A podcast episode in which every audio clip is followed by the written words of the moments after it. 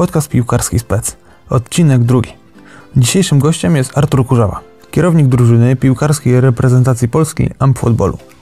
Z rozmowy dowiecie się, w jaki sposób w młodym wieku można zostać kierownikiem drużyny oraz szczegółów jego pracy, a także jaki cel charytatywny dziś wspieramy. Zachęcam do wsparcia celu z poprzedniego odcinka, jeśli ten będzie już nieaktualny. Zapraszam do wysłuchania. Partnerem odcinka jest na czas spółka ZO, firma pomagająca właścicielom w wynajmie ich mieszkań. Dzień dobry, witam Was w podcaście Piłkarski Spec. Naszym dzisiejszym gościem jest Artur Kurzawa. Cześć Artur. Cześć, witam. Artur jest m.in. kierownikiem drużyny polskiej reprezentacji AMP Footballu oraz komentatorem meczów. Powiedz na początku, mm, czym jest AMP Football, żebyśmy wszyscy wiedzieli. AMP Football jest to dyscyplina sportowa dla osób po amputacjach z wadami kończyn. Mówiąc krótko, zawodnicy z pola e, poruszają się o kulach, nie mają, mają wadę kończyny dolnej albo amputację kończyny dolnej, czyli obrazując to o kulach biegają na jednej nodze. Bramkarze z kolei mają tylko jedną e, rękę, e, bronią tylko jedną ręką, czyli druga jest albo amputowana, albo e, wada e, wrodzona. Jedna, jedna kończyna sprawna to jest taki najważniejszy punkt e, w, w AMP footballu. Tak, tak w skrócie, gdybym miał, miał powiedzieć, tych różnic między piłką 11-osobową jest naprawdę niewiele. Między innymi z takich najciekawszych rzeczy mm, nie ma spalonych. Zawodnicy, trener może wziąć minutową przerwę, gramy dwa razy 25 minut i bramkarz nie może wychodzić z własnego pola karnego. Pozostałe rzeczy to już są takie e, niuanse naprawdę, czego widz w zasadzie oglądając mecz am futbolowy nie widzi, ale najważniejsza zasada, czyli strzelić jedną bramkę więcej od przeciwnika zostaje. Mhm, Okej, bo właśnie, y, jeżeli osoby no, mają jakby większe trudności z poruszaniem się, to pewnie i y, wymiary, może bramki y, boiska też są inne niż, niż takiego typowego, prawda? Tak, tak. Tutaj też o tym nie wspomniałem. Gramy na boisku 60 na 40. To jest wymiary zbliżone do Orlika, może ciuteńkę większe niż Orlik. Bramki również e, piątki, czyli te, te mniejsze orlikowe. E, No, więc, e, ale trzeba przyznać, kiedyś robiliśmy nawet takie e, wykresy, pomiary zawodników, ile zawodnik jest w stanie przebiec w ciągu tego 50-minutowego meczu. I jeden z naszych zawodników e, przebiegł 7 km w trakcie takiego spotkania na boisku orlikowym. To gdybyśmy grali 90 minut, to te wartości byłyby niemal zbliżone do, do zawodników, którzy na co dzień grają e, w ekstraklasie. To byłoby 11-12 km na mecz, więc statystyki zawodników w ciągu tych 50 minut na zmniejszonym boisku są porównywalne do, do pełnosprawnych. Mm, Ciekawe, bardzo ciekawe. E, Okej, y, chciałem się zapytać y, może teraz o sztab trenerski, bo mm, zastanawiam się, jak duży jest y, sztab trenerski właśnie w takiej reprezentacji futbolowej y, i czym się różni od właśnie reprezentacji pełnosprawnych piłkarzy? Czy potrzebnych jest więcej asystentów, osób, które y, pomagają? Jak to, jak to wygląda? No my przede wszystkim e, słowa niepełnosprawny z niepełnosprawnościami nie używamy w ogóle na naszych e, zgrupowaniach. Nikt siebie nie traktuje tak jak osoby niepełnosprawne i nikt nie patrzy przez pryzmat niepełnosprawności. Jeżeli chodzi o nasz sztab, to mm, mamy 7 osób w sztabie. Pierwszy trener, który selekcjoner, który odpowiada za, za, za wszystko, tak to nazwijmy e, trener przygotowania motorycznego, trener bramkarzy, trener analityk, który e, śledzi zespoły, analizuje grę nie tylko naszą, ale również przeciwników, przygotowuje wszelkie aspekty e, taktyczne na, na to spotkanie, czym możemy zaskoczyć e, przeciwnika, e, co zrobić, żeby przeciwnik nas nie zaskoczył.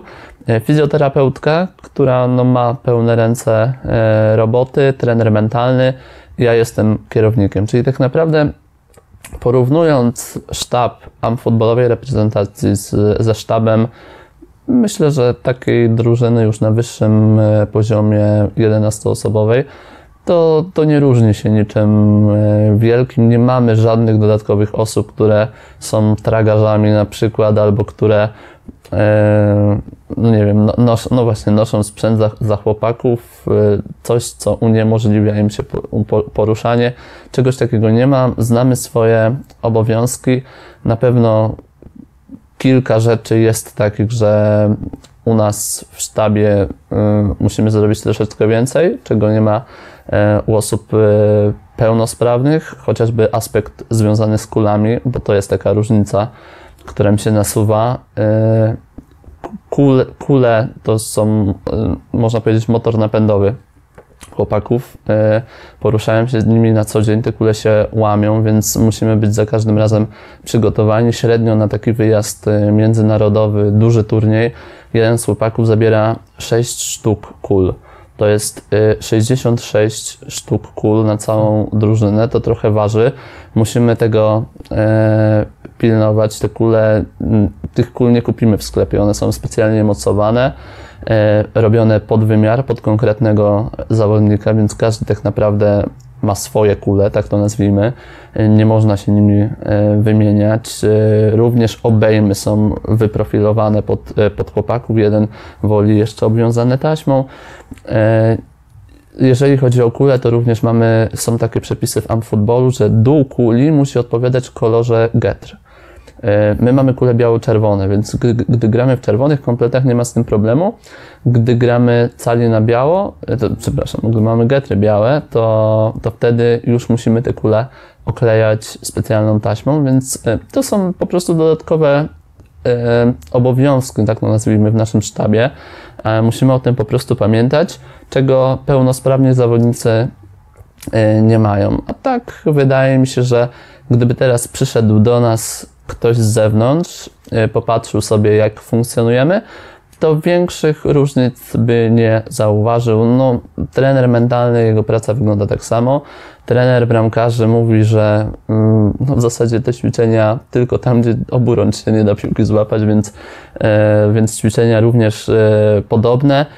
Pierwszy trening, pierwszy trener prowadzi zes, trening z zespołem tak, jakby trenował pełnosprawnych zawodników. Trener analityk tylko i wyłącznie dopasowuje swoje mm, pole, polecenia, wskazówki pod e, ilość osób na boisku, czyli sześciu zawodników plus e, bramkarz pod wymiary, pod to, że bramkarz nie może wychodzić z pola karnego, pod to, że nie ma, nie ma spalonych, więc tylko i wyłącznie dopasowanie się do zasad. Nic takiego nadzwyczajnego w pracy naszej nie, nie wyróżniłbym. Może też ja tego nie widzę, bo na co dzień ja nigdy w profesjonalnym klubie nie pracowałem z pełnosprawnymi zawodnikami w tej roli. E, Dlatego e, wydaje mi się, że jakby ktoś z zewnątrz przyszedł, to, to nie zauważyłby różnicy. Mhm. Okej, a y, mówisz o y, klubie, o profesjonalnym klubie. Czy to jest duża różnica między reprezentacją a klubem, jakby organizacyjnie? Y, Organizacyjnie myślę, że troszeczkę jest. Przede wszystkim my się widzimy raz w miesiącu i to jest nasz, może nie problem, ale na pewno wielka różnica. Zawodnicy trenujący w klubie spotykają się dwa razy dziennie. E, możemy, sta- mogą stale monitorować swoich zawodników tak, że się z nimi spotykają, rozmawiają o swoich problemach. My mamy zawodników w całej Polsce, nie jesteśmy klubem, jesteśmy reprezentacją, e, więc e, no musimy e, w jakiś sposób się ze sobą łączyć, czyli czy to telefonicznie, e, rozmawiać, też zawodnicy wykonując swoje treningi mają odpowiednie zegarki, które monitorują ich ak- aktywności e, i w ten sposób pracujemy z zawodnikami trochę na, od, na odległość. My tak naprawdę w trakcie ostatnich e, wydarzeń związanych z koronawirusem trochę się śmialiśmy, że to dla nas nie jest nowa rzeczywistość, bo my tak pracujemy. Pracujemy w domach, trenujemy w domach, więc e, jedyne co nam zabrano to tylko zgrupowania stacjonarne raz w miesiącu i kilka, kilka spotkań, które mieliśmy w tym okresie e, zaplanowane. Więc e, to mi się narzuca e, na, w pierwszej kolejności, że nie widzimy się z chłopakami codziennie, nie, nie, nie mamy takiego kontaktu, jak, jak widzielibyś, jak spotykalibyśmy się w profesjonalnej drużynie, może to i dobrze. Jeżeli chodzi o sam trening, to on wygląda bardzo, bardzo podobnie, więc trenujemy dwie godziny. W trakcie zgrupowań dwa razy w ciągu dnia, więc e, tak naprawdę, jeżeli chodzi o sam sport, o to, co robimy na zgrupowaniu, wydaje mi się, że dużych różnic nie ma, nie mamy absolutnie na co e, narzekać. Jedyny taki e, minusik to, to to, że my się spotykamy co jakiś czas. Nie, widzimy się na co dzień, tylko kilka, no, jeden weekend w miesiącu, tak średnio wychodzi. Okej. Dobra, powiedziałeś o, y, o całym sztabie, y, a chciałbym się Ciebie zapytać właśnie o Twoją rolę, czyli jako kierownik reprezentacji. Y, Ciekawy jestem, jak wygląda taki Twój dzień, taki typowy dzień z pracy, z kim na co dzień współpracujesz, z kim się spotykasz, jak, jak to wygląda? Mhm. Ja tak naprawdę więcej obowiązków mam przed zgrupowaniem niż na samym zgrupowaniu i to jest chyba taki dowód na to, że, że wszystko jest wtedy dobrze zaplanowane, że nie trzeba pożarów gasić na zgrupowaniu, wiadomo, że się trafiają, ale mm, na co dzień e, to przede wszystkim na telefonie. Telefon plus e, laptop. E, Współpracuję z prezesem Amfootball Polska Mateuszem Widłakiem najczęściej. E, Te telefony i wymiany, wymiany wiadomości e, następują. Mamy też, e, mam też kolegę w biurze, który zajmuje się wsze- wszelkimi formalnościami finansowymi, zwrotami za dojazdy, różnego rodzaju umowami, też, też często w tym e, pośredniczę. E, Tak w skrócie jestem łącznikiem troszeczkę między naszym biurem, a sztabem reprezentacji i zawodnikami, czyli jak coś komuś nie pasuje, to ja śmieję się, że między młotem a kowadłem, bo, bo to ja jestem negocjatorem i z jednej i z drugiej strony e, dostaję po głowie często. często. No nie no, śmieję się teraz, ale e, t- tak, tak, tak to wygląda po prostu, że gdzieś tam między tymi dwiema osobami e, jestem, czyli trenerem, a, a, a prezesem. E, Jeżeli chodzi o taką moją pracę przed zgrupowaniem, to przede wszystkim kontakt e, z obiektem, czyli do, dopilnowanie wszystkich rzeczy, jeżeli chodzi o pokoje, e, jeżeli chodzi o mm, może od początku. Trener wysyła e, plan zgrupowania i ja muszę krok po kroku e, tak to wszystko zorganizować, żeby odpowiadało i nam, czyli żeby się wszystko zgadzało z tym planem i też żeby ośrodek nie miał z tym problemu, żeby ten plan zrealizować. Najczęściej ze względu też na to, że nie, nie chcemy tracić czasu, trenujemy w takich miejscowościach, w takich obiektach, gdzie hotel jest bardzo blisko boiska, żeby nie przemieszczać się na dalsze e, odległości. E, Więc tak naprawdę przygotowanie zgrupowania to zaplanowanie całej logistyki, kontakt z hotelem, e, kontakt z osobą odpowiedzialną za boisko. Mamy jakieś tam swoje standardy, ale to na pewno nie są e, górnolotne, że tak powiem, e, wymagania. E, Kontakt z chłopakami, bo każdy gdzieś tam jakiś problem ma, ktoś coś zgubi, zapomni, ten sprzęt musi być e, przygotowany. Więc przygotowanie sprzętu to również są moje obowiązki. Dogranie po prostu organizacyjne całości. Chłopaki przyjeżdżają, trenerzy, zawodnicy na zgrupowanie i nic ich nie powinno interesować tylko i wyłącznie e, przeprowadzenie treningu, y, skorzystanie z tego planu, który został e, zaplanowany, więc e, tak naprawdę każde zgrupowanie teoretycznie jest inne, wyglądają, wyglądają podobnie, ale, ale myślę, że myślę, że yy, no to jest troszeczkę takie, takie kopiuj, kopiuj w klej, że, że tak powiem, że to zgrupowania tak naprawdę co miesiąc tematy są mega, mega podobne. E, Różnice są na pewno w trakcie wielkich turniejów, bo wtedy jedziemy na przykład na dwa tygodnie, półtora tygodnia, e, gdzie no już trzeba mieć bogatą wyobraźnię, co się może stać e, na miejscu. To często do tej pory to zawsze były wyjazdy zagraniczne, gdzie kontakt z organizatorami nie zawsze musiał być najlepszy, z opiekunami naszymi i tak dalej, więc e, trzeba mieć naprawdę dużo takiej fantazji, bym nawet powiedział, i wyobraźni, żeby spodziewać się, czego tam nam może tak naprawdę zabraknąć. Co może być takim punktem, gdzie gdzieś tam nam nie zatrybi, a będziemy tego e, potrzebowali. I, i e, to jest taka misja logistyczna ba, bardzo duża, gdzie trzeba cały czas o tym myśleć.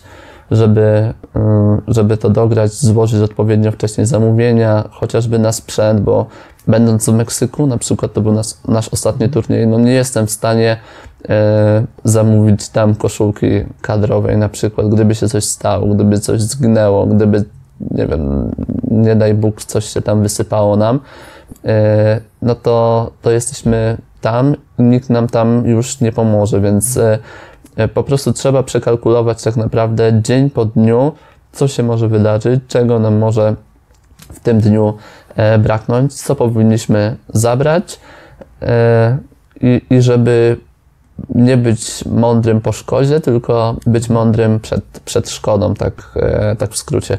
Typowy dzień na zgrupowaniu wygląda, wygląda tak, że mm, ja w zasadzie, w zasadzie tylko pilnuję. Przychodzę 15 minut wcześniej, te miejsca, które powinienem być, czy wszystko wygląda mhm. tak, jak e, powinno. Tak, tak. Mhm. E, najczęściej jest tak, że te osoby z hotelu mają pytania do mnie, e, jakiś opiekun ma pytania do mnie, więc cały czas muszę być e, po prostu pod telefonem, też pytania na bieżąco, czy to od trenerów, czy prośby, bo często jest tak, że na miejscu e, jest coś, co oni by jednak e, poprawili, gdzie potrzebują jednak jakąś jeszcze bramkę albo coś w tym stylu, więc dają mi, dają mi znać i ja wtedy próbuję jak najszybciej reagować.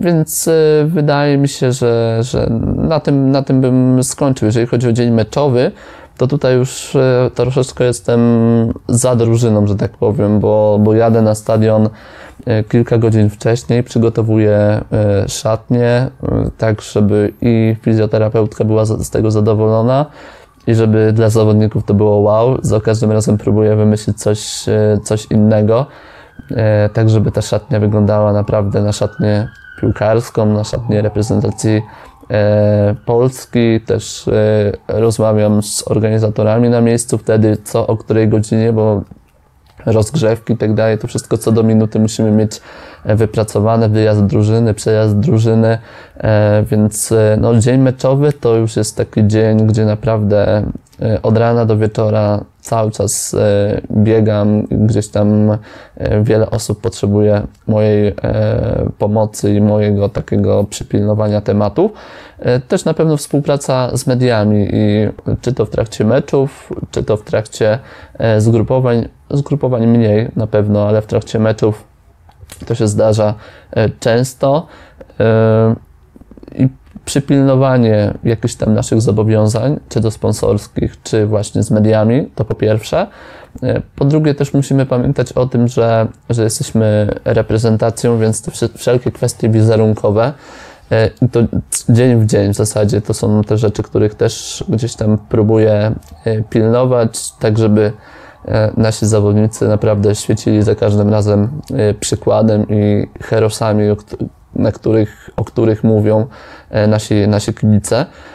E, wiadomo, cofnę trochę, trochę myśli z tymi, z tymi mediami. My, często jest tak, że najczęściej w zasadzie, że wszyscy dziennikarze są zadowoleni. Staramy się robić tak, żeby naprawdę żaden z dziennikarzy nie został sam, tylko jeżeli mamy być na stadionie godzinę i odpowiadać na pytania dziennikarzy, przybijać piątki kibicom, my nigdy nie mamy z tym e, problemu, więc próbujemy tak tym planem później e, zamieszać, tak kolokwialnie powiem, żeby każdy z meczu takiego futbolowego był zadowolony, więc takiego gwiazdorzenia z naszej strony nie ma, ale to też jest dla mnie, e, dla mnie sygnał. Spodziewam się na przykład, e, że może być tak, że będzie bardzo dużo kibiców na trybunach, że spędzimy tam po meczu sporo czasu, więc z automatu podpowiadam trenerowi, że tam kolację powinniśmy zjeść pół godziny później, bo po prostu się nie, nie wyrobimy. No, y, trzeba cały czas myśleć po prostu o tej pracy. Tak myślę, że to jest e, najlepsze podsumowanie tego, co powiedziałem. E, ja z fizjoterapeutką często, często utrzymujemy dużo, dużo kontaktu i nawet wspominamy sobie, że śniło mi się dzisiaj coś tam, że coś nam nie poszło, że coś się wydarzyło. I to jest taka latarka dla mnie, że nie mogę o tym zapomnieć, że okej, okay, zamów to dzisiaj, bo jak zamówisz jutro, może ktoś pojedzie na urlop i za tydzień ci to y, nie przyjdzie. Więc y, naprawdę trzeba mieć taką dużą, dużą wyobraźnię w tym, co się robi. Y, no i, i, i oddać się całemu. Ta pasja mimo wszystko też w jakiś sposób mnie tutaj umacnia. Robię to, co to, co lubię, szukam nowych pomysłów, nowych e, rozwiązań i, i to jest chyba najfajniejsze i to mnie napędza z dnia na dzień. Mhm, super. Właśnie, mówiłeś o Y, o, o, tych wszystkich obowiązkach y, y, jedziesz, musisz wszystko zorganizować, zaplanować, przewidzieć i zastanawiam się, czy to jest stresujące, czy jakby ta twoja praca jest stresująca? Jak, jak ty to odczuwasz? Wiesz co, z jednej strony tak, z, z drugiej nie, bo zależy w jakiej roli się postawię. Jak postawię się z roli, w roli takiej, że jestem kierownikiem reprezentacji, to ma być zrobione koniec kropka, wtedy to nie byłoby stresujące, bo, bo miałbym to gdzieś i musiałoby być to zrobione.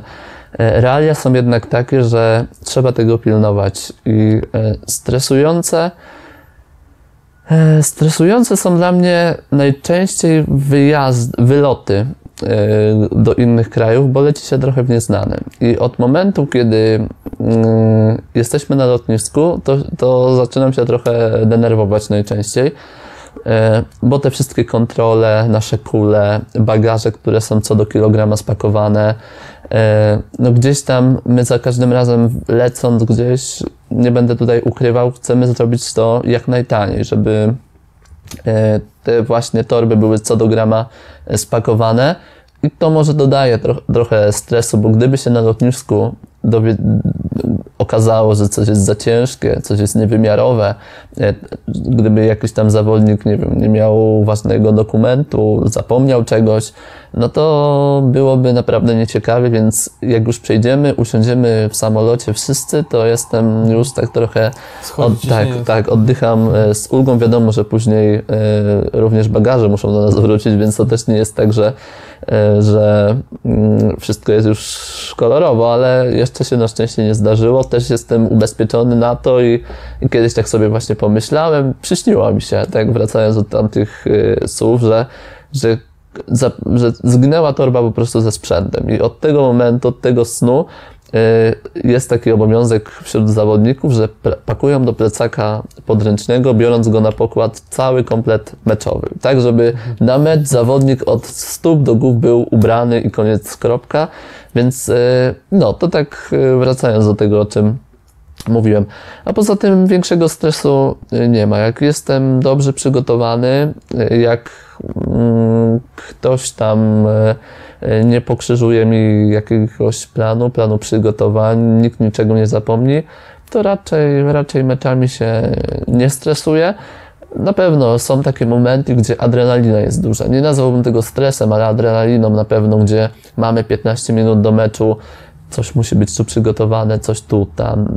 Yy, trenerzy wymagają, krzyczą, yy, jest skupienie, koncentracja, nie możesz dać yy, ciała to wydaje mi się, że to, to tylko nakręca. Ja raczej stres na mnie działa pozytywnie, to na pewno, więc takich sytuacji naprawdę, żebym się denerwował, nie, nie wyróżniłbym zbyt wiele. Raczej, raczej spokojnie do tego e, podchodzę. Też, też może dlatego, że jesteśmy po prostu zgranym zespołem nikt nigdy do siebie pretensji nic e, nie ma.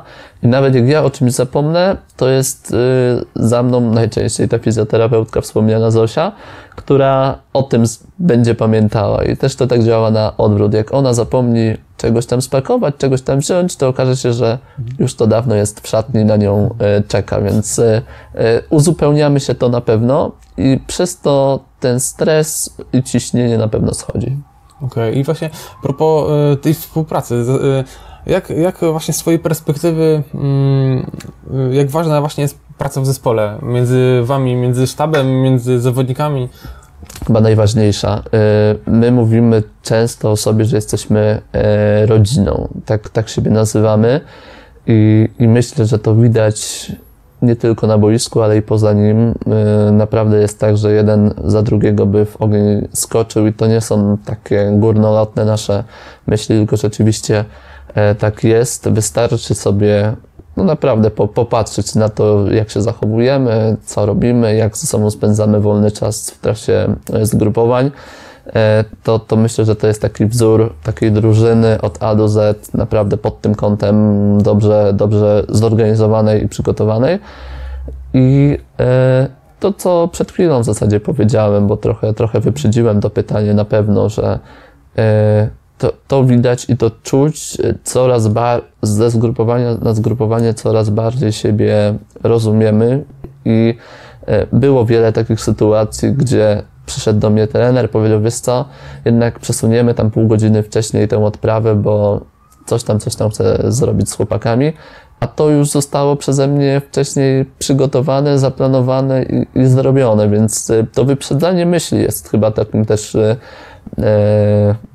fajnym odpowiednikiem. No ja dużo mówię o fizjoterapeutce, bo jestem z nią w pokoju, wykonujemy taką czarną robotę z chłopakami, gdzie e, wiemy, co tam u nich, zawsze no, z nami najwięcej rozmawiają, przebywają, siedzą na spokoju, bo czy to mają problem właśnie jakiś tam organizacyjny, coś im tam nie pasuje, albo ze sprzętem, e, muszą przyjść do nas, porozmawiać chwilkę, albo, albo problem zdrowotny po prostu i wtedy, wtedy również u nas e, przebywają, więc tak naprawdę u nas się najwięcej w pokoju dzieje i to też ta znajomość chłopaków na pewno pomaga w tym, żeby e, żeby być jeszcze bliżej siebie, bo, bo na pewno mamy, to jest grupa 30 osób. Każdy z nas ma inne jakieś tam pomysły, każdy by inaczej jakoś coś zorganizował, nie da się tego ukryć, każdy ma inne cechy charakteru, e, temperament, ale koniec końców jest tak, że e, no, jesteśmy takim jednym, jednym zespołem i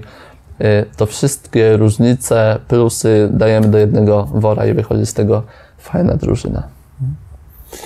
Masz, y, jesteś młody. Y, i zastanawiam się, jak zostałeś kierownikiem zespołu właśnie w takim młodym wieku, bo y, wielu młody, wiele młodych osób no, nie spodziewa się, że, że można już takie stanowisko mieć w takim młodym wieku, a to może też w pewien sposób napędzać, więc jakbyś mógł się podzielić, jak, jak zostałeś. No, na pewno wszystko się z, z, zaczęło od pasty, jak kiedyś, jak byłem młody, chciałem powiedzieć, ale to, to były czasy, gdy miałem, myślę, że 14 lat zacząłem sobie pisać do, do portali, pracowałem w lokalnym radiu.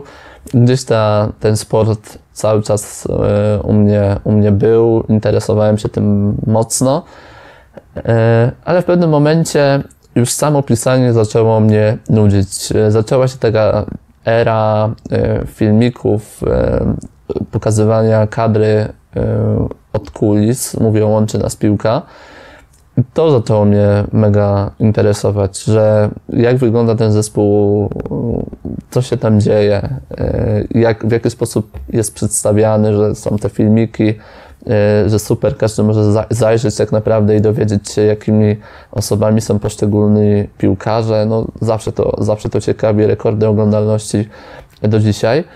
I e, szukałem po prostu czegoś, czegoś takiego. Znalazłem AmFootball, E, o amfutbolu dowiedziałem się w 2014 roku, kiedy chłopaki byli na Mistrzostwach Świata w Meksyku, zajęli tam czwarte miejsce. Było kilka wstawek chyba w Teleekspresie albo w wiadomościach po sporcie. No i wtedy mówię, wow, grają na tej jednej nodze, nieźle, fajnie, gdzieś tam ich polajkowałem na, na Facebooku, później wyskoczyło mi, że grają jakieś mecze w Hiszpanii, mówię, co, napiszę do prezesa maila, że w formie wolontariatu oczywiście e, chciałbym w jakiś sposób pomóc. Okazało się, że prezes wtedy był sam. E, do dzisiaj ogromny podziw, że, że te wszystkie turnieje, które dzisiaj organizuje sztab ludzi, on to sam wszystko za ogon e, ciągnął. E, reprezentację tak samo. E, okazało się, że, że, że był zainteresowany, szukał takiej e, osoby do pomocy trochę. E, miałem wtedy 17 lat, e, przyjechałem do Warszawy, też to było dla mnie takie wow, jadę do Warszawy, bo, bo na co dzień mieszkam w małej miejscowości, więc, więc e, to, było, to było też pewnego rodzaju przeżycie. No i zostałem zaproszony na pierwsze zgrupowanie, spodobało mi się to. To też nie było tak, że byłem od razu kierownikiem reprezentacji. Na początku e, raczej bym powiedział, że byłem takim biurowym wolontariuszem trochę i to, czego nie mógł zrobić Mateusz, czyli prezes, to gdzieś tam e, na mnie, nie chcę mówić zrzucał, ale szukał po prostu jakiejś pomocy u mnie.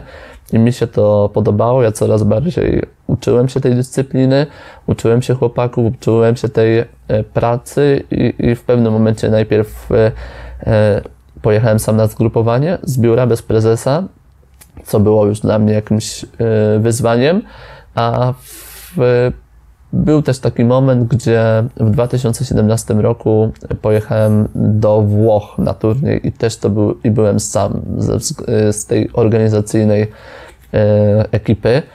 No i to był taki przełom, bo, bo wtedy z trenerami coraz lepiej się zacząłem dogadywać i tak już e, w 2017 roku na Mistrzostwach Europy już myślę, że śmiało można powiedzieć, że byłem takim kierownikiem e, naszej e, reprezentacji, więc dwa lata to trwało zanim, zanim powiedzmy kierownikiem się stałem. Zaczęło się to od pasji, ja bym tak to powiedział, bo na pewno nie było tak, że przyszedłem tutaj z ogromnym CV, z ogromnym doświadczeniem. Miałem 17 lat, chciałem pomóc. E, Amfutbol mnie na tyle wkręcił, że dzisiaj e, mam 23 lata, więc no już 6 lat mm, mi z Amfutbolem wspólnie idzie, więc ta pasja na pewno tutaj przeważyła i zadecydowała o tym, że tutaj zostałem. Dzisiaj podejrzewam, że mega trudno byłoby mi tutaj wejść bez żadnego doświadczenia i dołączyć od razu do reprezentacji. My oczywiście na wolontariat jesteśmy otwarci, szukamy ludzi do pomocy przy, przy różnego rodzaju wydarzeniach, turniejach, meczach, e, ale, ale mówię, no, być blisko drużyny dzisiaj to jest zupełnie inna skala e, niż 6, 6 lat temu. Mhm. Po prostu bardziej już organizacja się rozrosła? Tak, tak, tak. tak. No mamy więcej, więcej osób e, w biurze. E, pięć, pięć osób w zasadzie pracuje u nas e, w biurze. Sztab wtedy też był dużo mniejszy niż teraz, niemal o połowę, mhm. jak ja dołączałem. No ja jestem, jeżeli chodzi o staż w sztabie, to jestem trzecią osobą od tych, które najdłużej pracują z reprezentacją. Mamy siedem osób. No to świadczy o tym, że e, jednak, jednak przez te lata ja też liznąłem trochę tej starej reprezentacji, kiedy naprawdę patrzyło się na piłki z wielkimi oczami i patrzę teraz e, z tej perspektywy, gdzie jest nieźle. Jest nieźle, na pewno mogłoby być lepiej, ale, ale na pewno nie jest tak, że, że czegoś tam nam e, brakuje. Tak jak my chcemy sobie e, pracować, tak, tak w zasadzie nam no, na, wszystko, na wszystko wystarcza, ale, ale mówię, gdzieś tam poprzeczkę sobie cały czas podnosimy, więc z roku na rok y, ambicje, marzenia są oczywiście coraz większe. Mhm. No właśnie, mówiliśmy y, tak naprawdę takie y, uwagi jakby dla młodych ludzi, bo mm, tak naprawdę podsumowując to, ważnym chyba jest to, żeby po prostu próbować, y, żeby szukać, gdzie, y, y, szukać właśnie tej pasji i, i po prostu próbować odzywać się do osób, które właśnie w jakieś, jakieś organizacje tworzą i, i, zaczynać od tych najniższych, powiedzmy, szczeblem pracy i powoliutku się piąć wyżej i, i jakby ten, ten wiek nie jest taką przeszkodą, prawda? Chyba właśnie ta pasja i, po prostu chęć pracy no to tak, jest to najważniejsze. Tak, na pewno. Ja znam wielu mega młodych dziennikarzy, którzy zaczynali może w tym samym wieku co ja, ale już wtedy byli, pisali dla przeglądu sportowego, y, dla wielkich gazet, y, największych portali. I tam nie interesował nikogo wiek tak naprawdę i twoje doświadczenie, tylko to, jak piszesz. I, i tyle. Możesz się nadawać w wieku 15 lat.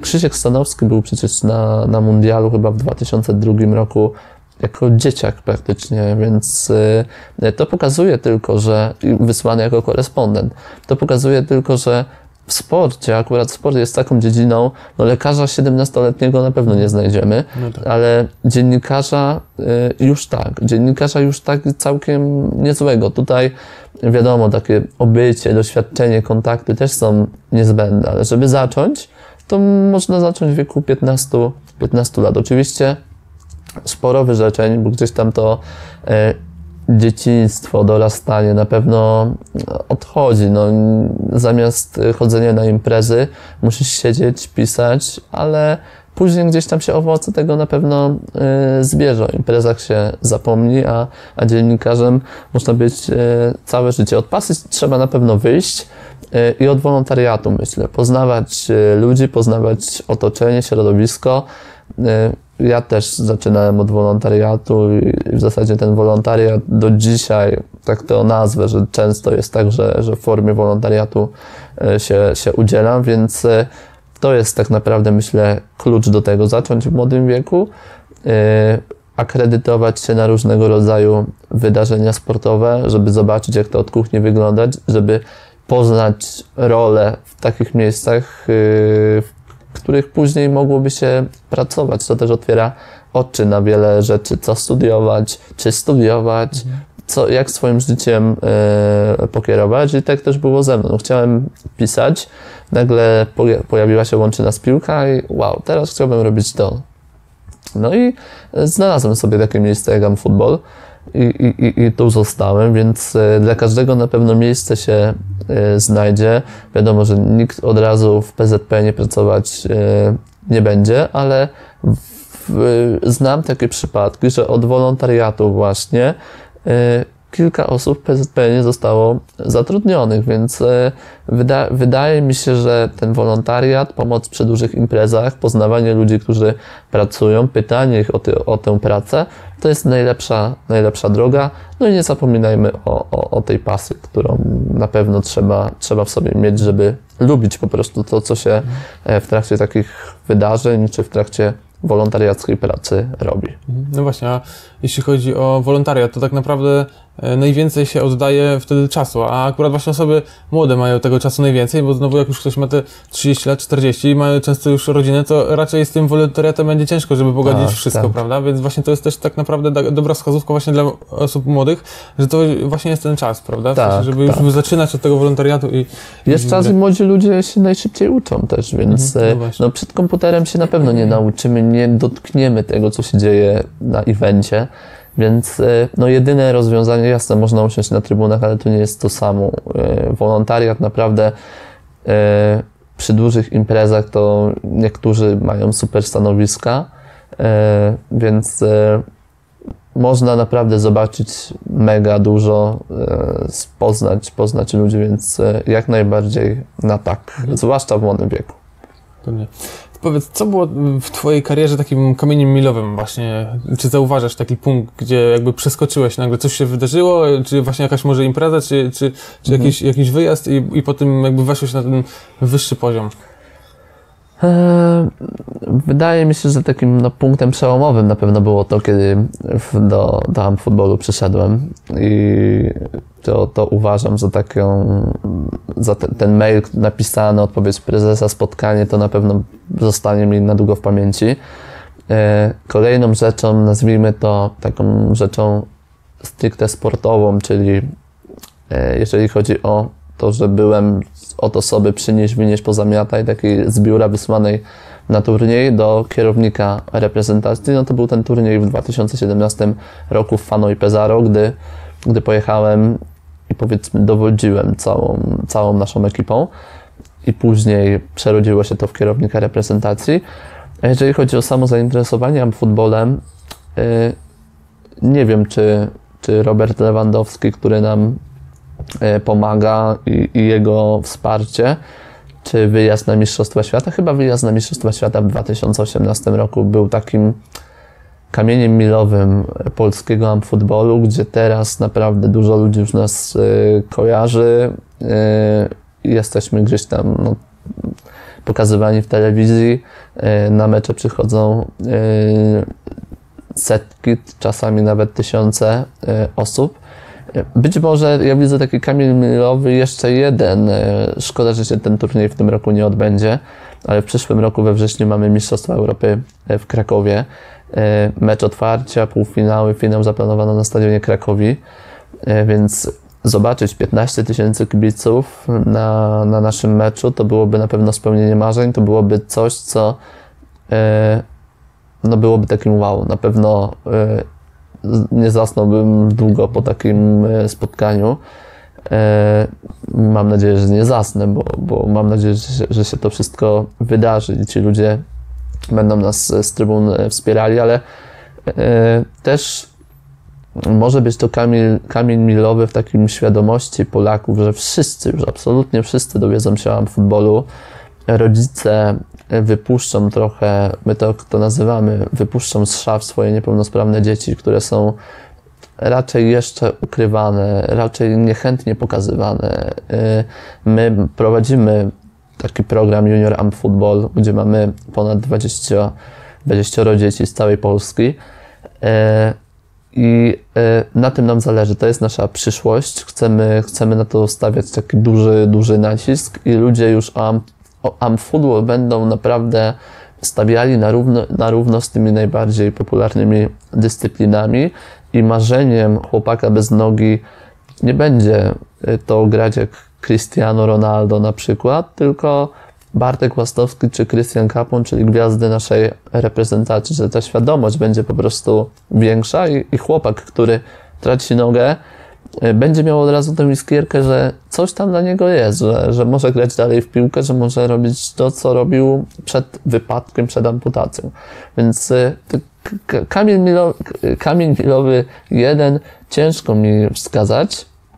Mam nadzieję, że to będzie to euro, że to będzie taki, taki punkt, który będziemy długo wspominali ale promocyjnie bym powiedział dla AMP Footballu to były Mistrzostwa Świata w Meksyku, gdzie w nocy oglądały nas dziesiątki tysięcy kibiców. E, trzymali Polacy za nas e, kciuki. A taki mój prywatny to być może te Włochy 2017. Hmm. E, powiedz, czy będąc na początku swojej drogi, zrobiłbyś wszystko tak samo? Czy może coś byś poprawił, patrząc już z perspektywy czasu? E, z perspektywy czasu e, na pewno jako dzieciak, ale to kompletny dzieciak, e, postawiłbym na języki obce. To jest taki mój, mój minus i tu nawet nie chodzi tylko i wyłącznie o angielski, ale myślę, że znajomość dwóch języków dzisiaj to jest priorytet w dzisiejszym świecie. I dzisiaj Am Football mi to po prostu pokazuje, że, że no, zna, mamy te kongresy, spotkania, mecze międzynarodowe. To jest y, rzecz taka w pracy kierownika, między innymi, no podstawa, żeby się z ludźmi y, dogadać. Byliśmy na Mistrzostwach Świata y, w Meksyku. Na miejscu okazało się, że naszymi wolontariuszami są osoby, które mówią tylko w języku hiszpańskim. No i w naszym zespole nikt nie używał języka hiszpańskiego, nikt nie, nie znał tego języka. No i e, ten kontakt był utrudniony, więc e, za każdym razem tylko, wiadomo, teraz czasu jest trochę mniej, tak jak powiedziałeś. Czym jest człowiek starszy, tym czasu, żeby nadrobić niektóre rzeczy, ma mniej. E, więc na pewno jakbym miał teraz 10 lat, to bym bardzo, bardzo mocno nacisk stawiał na te języki obce i, i uczył się języków, bo to nie tylko w sporcie, ale czy przy podróżowaniu, czy przy każdej innej pracy na pewno jest e, mega, mega ważny. Tak, tak, zgadza się. Ciekawy jestem, e, jakie, jakie umiejętności właśnie trzeba mieć, e, żeby, żeby być kierownikiem drużyny, w sensie jaka, kto mógłby zostać kierownikiem, a kto nie mógłby właśnie tym kierownikiem zostać.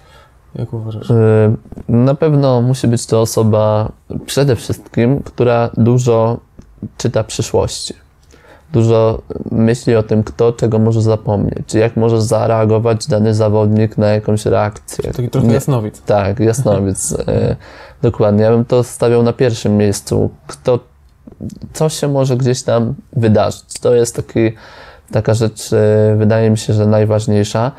Druga to, jest, to są wszystkie cechy kierownicze, czyli osoba dobrze zorganizowana, pewna siebie, e, stawiająca często na swoim, walcząca o swoje, e, ale też potrafiąca wyciągnąć z ziemi w zasadzie to, co jest potrzebne. Mówię pod takim kątem, że nie wiem, trzeba coś odciąć nie masz nożyczek, nie masz noża i musisz w jakiś sposób to odciąć. I, e, Czyli MacGyver.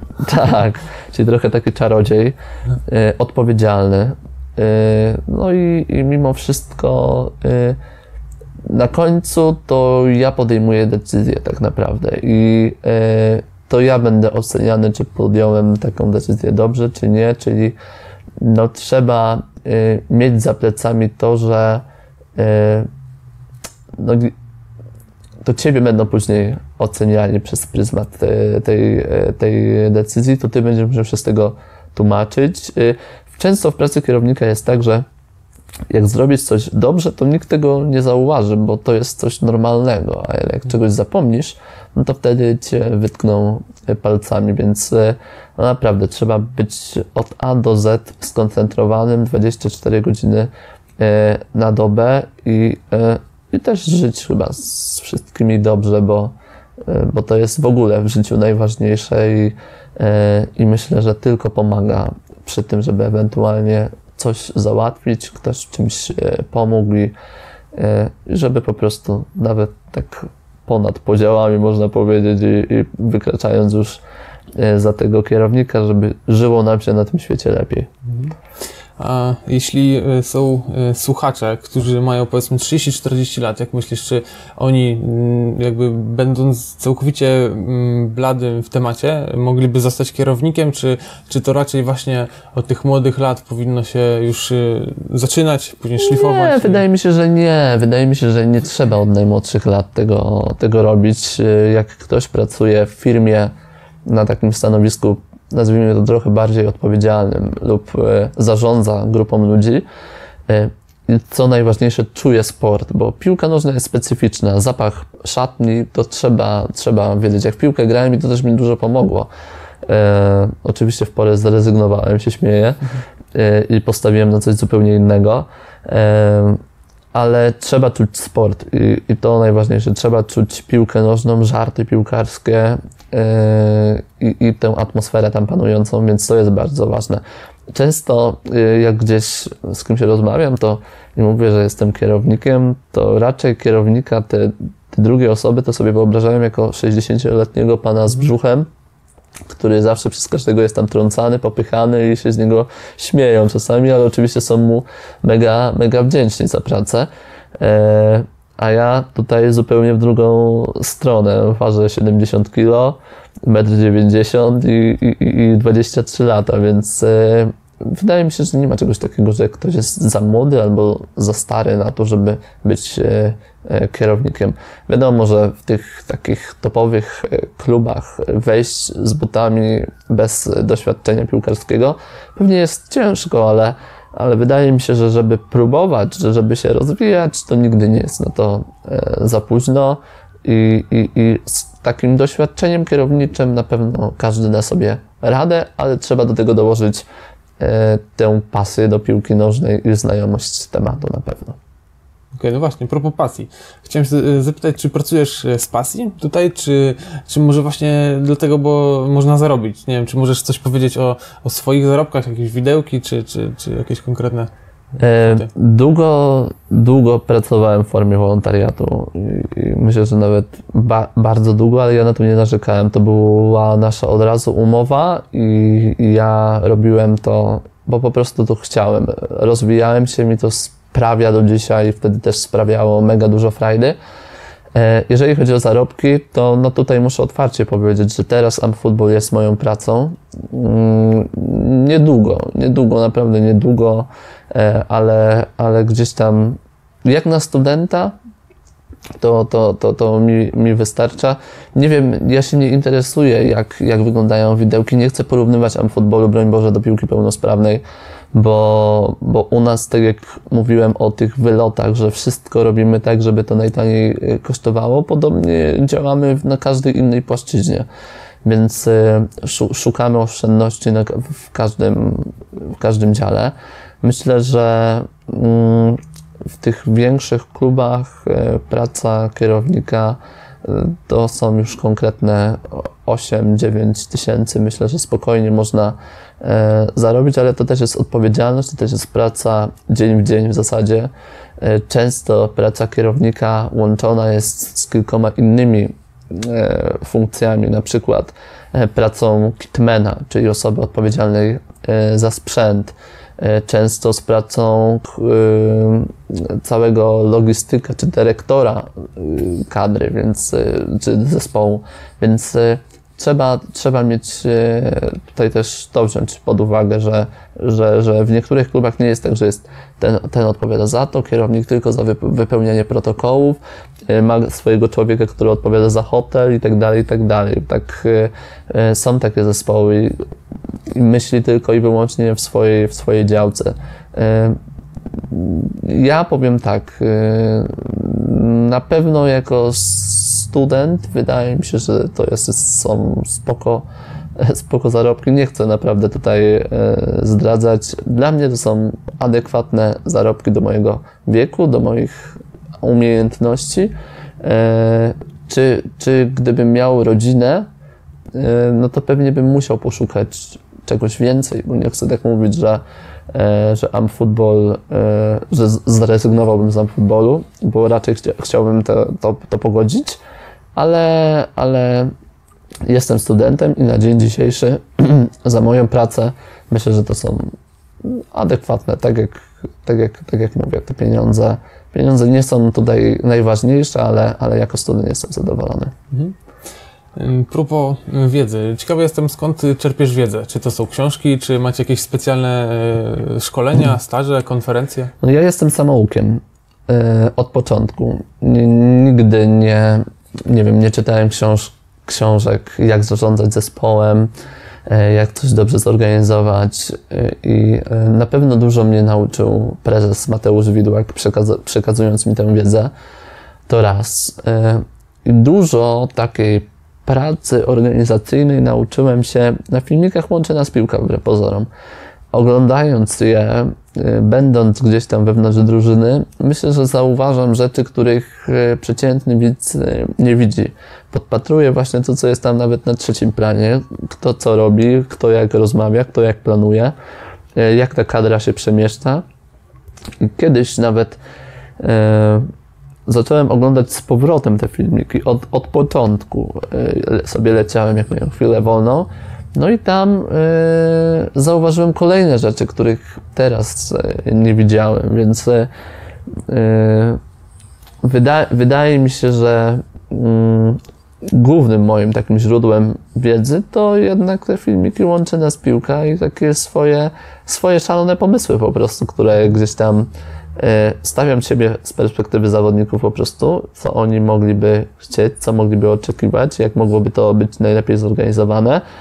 E, Na pewno trener Marek Dragosz też jest mega osobą, która mi, która jadła chleb z jednego pieca e, i która mi pomaga, która w pierwszej kolejności, bo tak to nazwijmy, przygotowuje zgrupowanie, a ja wcielam ten plan w życie. No już, już się znamy na tyle, wiemy, wiemy jak to robić, no ale kiedyś na pewno musieliśmy e, no, sporo o tym po prostu rozmawiać, więc e, i nauka na błędach. O, tak, tak bym zakończył, bo, bo na błędach też trzeba się uczyć i no na pewno wiele tych błędów popełniłem i wiele błędów popełnię, więc o- uwagi zawodników, uwagi trenerów, prezesa, osób, z którymi pracuję w biurze, to są takie najważniejsze na dzień dzisiejszy uwagi, aczkolwiek planuję w niedalekiej przyszłości e, wziąć udział, nazwijmy to, w stażu takiej profesjonalnej e, drużyny, podpatrzeć coś, jak oni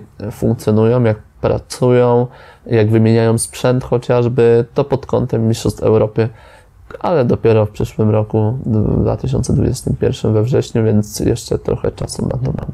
A taki staż, czy takie kluby prowadzą po prostu takie staże, w sensie, że można sobie wykupić jakby dostęp do takiego stażu, czy to są bardziej przez to, że Nie. jesteś właśnie kierownikiem w reprezentacji, to masz dostęp jakby do takiego? Tak, wydaje mi się, że tutaj jednak znajomość i taką drogą Okej. to będzie, to jest, to jest najłatwiej. E, Pisanie oficjalnych maili, próśb być może pomoże, ale środowisko piłkarskie raczej się opiera na takich znajomościach, bym powiedział, więc, e, więc wydaje mi się, że właśnie w tym kierunku trzeba, trzeba, trzeba tutaj szukać. Ale no, znajomości to też lata, lata takiego wolontariatu, więc e, i ludzi, z którymi współpracuję, bo tak jak mówię, każdy trener kogoś tam w swoim otoczeniu zna, e, prezes również, więc, więc myślę, że nie byłoby problemu. Powiedz, jakie masz plany na przyszłość? W sensie, gdzie cię szukać za 10 lat? E, Studiuję zupełnie coś innego. Studiuję transport kolejowy, więc e, być może przy torach, być może na wieży kontroli lotów, bo po to poszedłem na studia. Chciałbym pracować jako e, no, na, na lotnisku po prostu, jako kontroler ruchu lotniczego.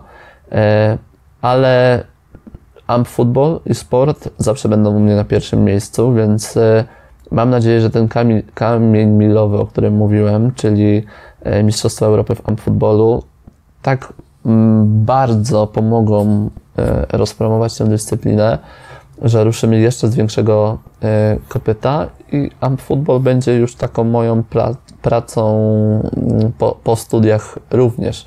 Akurat tak się złoży, że skończę studia, odbędzie się euro, no i wtedy będę musiał podjąć decyzję. Jest furtka w postaci, mam nadzieję, magistra inżyniera. To jest ta, powiedzmy, ba- bardziej ścisła e, droga. E, A, ale tą pierwszą na pewno będzie AM Football. Chciałbym tutaj jak najdłużej przy tej e, kadrze e, zostać. Mówię, w sporcie też dużo się rzeczy zmienia. Dzisiaj pracuję z trenerem Markiem Dragoszem. Mam nadzieję, że będziemy pracowali jak najdłużej, ale no wiadomo, że na pewno nie w nieskończoność. I e, może być tak, pewnie będzie, że za jakiś czas e, stanowisko trenera e, ktoś przyjdzie tutaj e, nowy. Nie wiadomo, czy będzie chciał akurat współpracować z Arturem Kurzawą po prostu i być może przyjdzie ze swoim kierownikiem. Więc e, na razie tak spokojnie do tego tematu na pewno podchodzę. E, Broń Boże, nie planujemy tutaj żadnych roszad e, na, na tym stanowisku, tylko mówię, że dużo się w piłce nożnej zmienia, więc nic nie jest pewne. Nie jest tak, że będę nieskończoność e, pracował w, w reprezentacji. Na razie mi to sprawia dużą przyjemność. Chciałbym zostać przy futbolu, ale mówię, być może, być może ten transport też jest jakimś moim rozwiązaniem, taką drugą, drugą ścieżką, którą, którą mógłbym, mógłbym pójść. Czyli, czy dobrze rozumiem, każdy trener ma swój sztab i e, tak samo zmienia się trener, to tak naprawdę cały sztab się zmienia. W piłce nożnej generalnie, generalnie tak. Akurat ja jestem też członkiem powiedzmy tego sztabu organizacyjnego, więc często ten sztab organizacyjny po prostu zostaje, ale są różni trenerzy, więc e, na pewno trenerów trener zabiera ze sobą, to na 100%. E, W Amfutbolu jeszcze nie mieliśmy takiej sytuacji, żeby trener reprezentacji się zmienił, bo Marek Dragosz pracuje z kadrą od początku, robi to świetnie. E, Więc e, na razie, na razie nie wiem jak będzie, nie wiem jak będzie, nie wiem, nie chcę tutaj prorokować, ale w tej dużej piłce najczęściej jest tak, że trenerzy mają swoich trenerów i po prostu zabierają ich e, razem, razem ze sobą, aczkolwiek no, kilku, kilka stanowisk, osoby na kilku stanowiskach zostają po prostu, ale to raczej takie osoby z branży or- organizacyjnej po prostu. Powiedz, gdzie można obejrzeć mecze futbolu? E, W telewizji czy... czy W telewizji byliśmy raz na TVP Sport. E, Miałem ten przy, przyjemność komentować to spotkanie z e, Maćkiem Iwańskim rok temu we wrześniu na Amp Football Cup w Warszawie.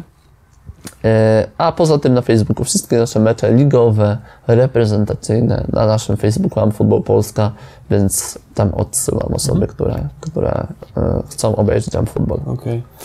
Powiedz, czy w Amputbolu są takie gwiazdy jak Messi, Ronaldo, czy właśnie Lewandowski? Tak, Możesz tak, tak. przytoczyć? Y, mamy Bartka Łastowskiego, który ma pseudonim Messi. Y, na Mistrzostwach Świata w 2014 właśnie został ukrzykniętym Messim dyscypliny, więc y, y, Messi, Messi, to wszyscy znają go na całym świecie. Messi, Messi, Messi. Nawet nikt nie wie, że on Bartek Łastowski się nazywa, tylko Messi, koniec, kropka.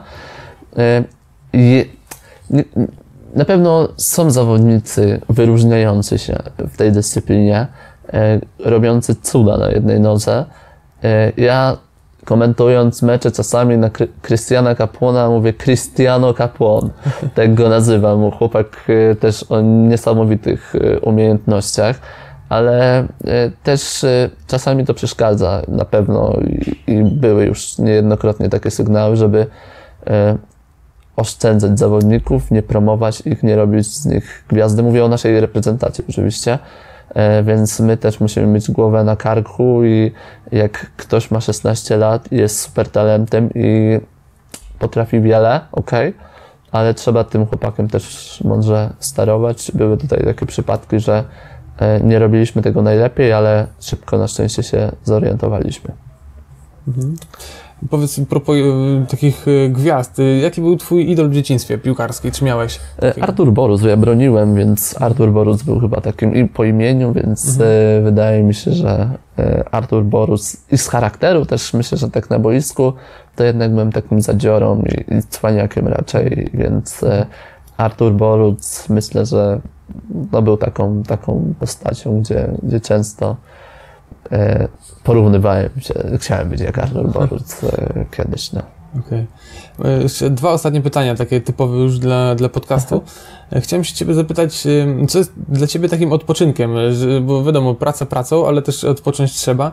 I właśnie w jaki sposób e, odpoczywasz? Gdzie, gdzie spędziłeś jakiś taki naprawdę świetny czas wolny? Mo, może jakieś mie- miejsce, kraj? Co wtedy robiłeś? Może masz coś do E, podpowiedzenia? Słuchaj, jakbyśmy teraz rozmawiali z trenerem, to on by powiedział, że świetnie odpoczywam na zgrupowaniach reprezentacji. e, ale szczerze mówiąc, na, dzisiaj wracając do domu, e, po prostu w Ochranie, w Kołozdyńskiej Woli, mała, mała wioska i tam się czuję dzisiaj najlepiej z rodzicami po prostu, więc siedząc, siedząc tam na pewno odpoczywam, rozmawiając z nimi, tam mam wszystko to, czego potrzebuję tak, tak naprawdę. Wiadomo, że od czasu do czasu wypady ze znajomymi na, na wakacje nad morze, czy, czy po prostu na jakąś przerwę też są, też są super i można naładować y, akumulatory. Aczkolwiek no nie mam swojej prawej ręki wam futbolu, więc nie jest tak, że wyłączam telefon i po prostu nic się, nic się nie dzieje. Ale y, dopiero gdy wyjechałem z domu, zacząłem doceniać to, jak tam w nim jest po prostu, mówię, lokalizacyjnie, tak samo jak, jak fajnie.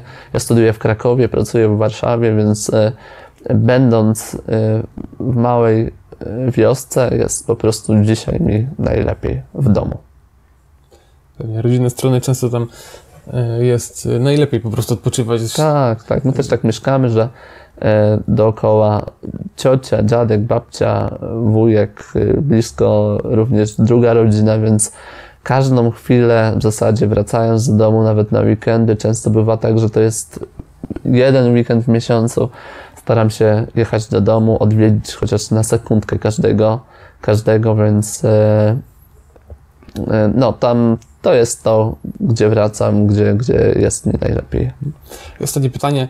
E, Zawsze w każdym odcinku e, zbieramy na e, jakiś konkretny cel charytatywny pieniądze. I, i, i ode mnie jest pewna część i od słuchaczy być może, jeżeli tylko ktoś będzie chętny. I zawsze jest pytanie do gościa, na jaki cel ten odcinek będzie jakby zbierał datki. Czy mógłbyś coś E, powiedzieć? Organizujemy pod koniec sierpnia y, zgrupowanie obóz dla futbolowej bandy. To jest drużyna, y, w której grają w piłkę nożną dzieci z niepełnosprawnościami ruchowymi, nie, nie tylko futboliści.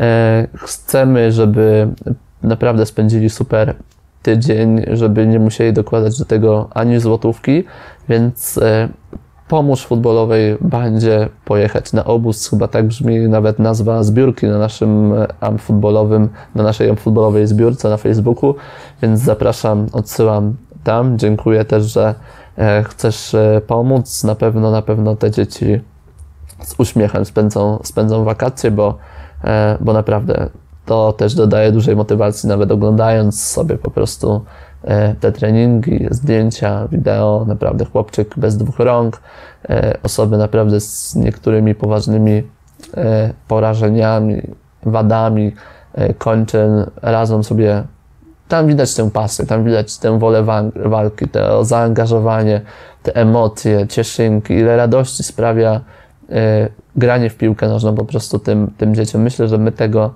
e, nie mamy albo nie doceniamy, ile mamy tak naprawdę. I, i gdy, jeżeli ktoś ma ochotę, to, to zapraszam właśnie tam. E, Każde, każda złotówka się na pewno liczy, każda złotówka pomoże. Pewnie. Super, damy link w opisie, y, także będzie łatwiej, żeby łatwiej trafić.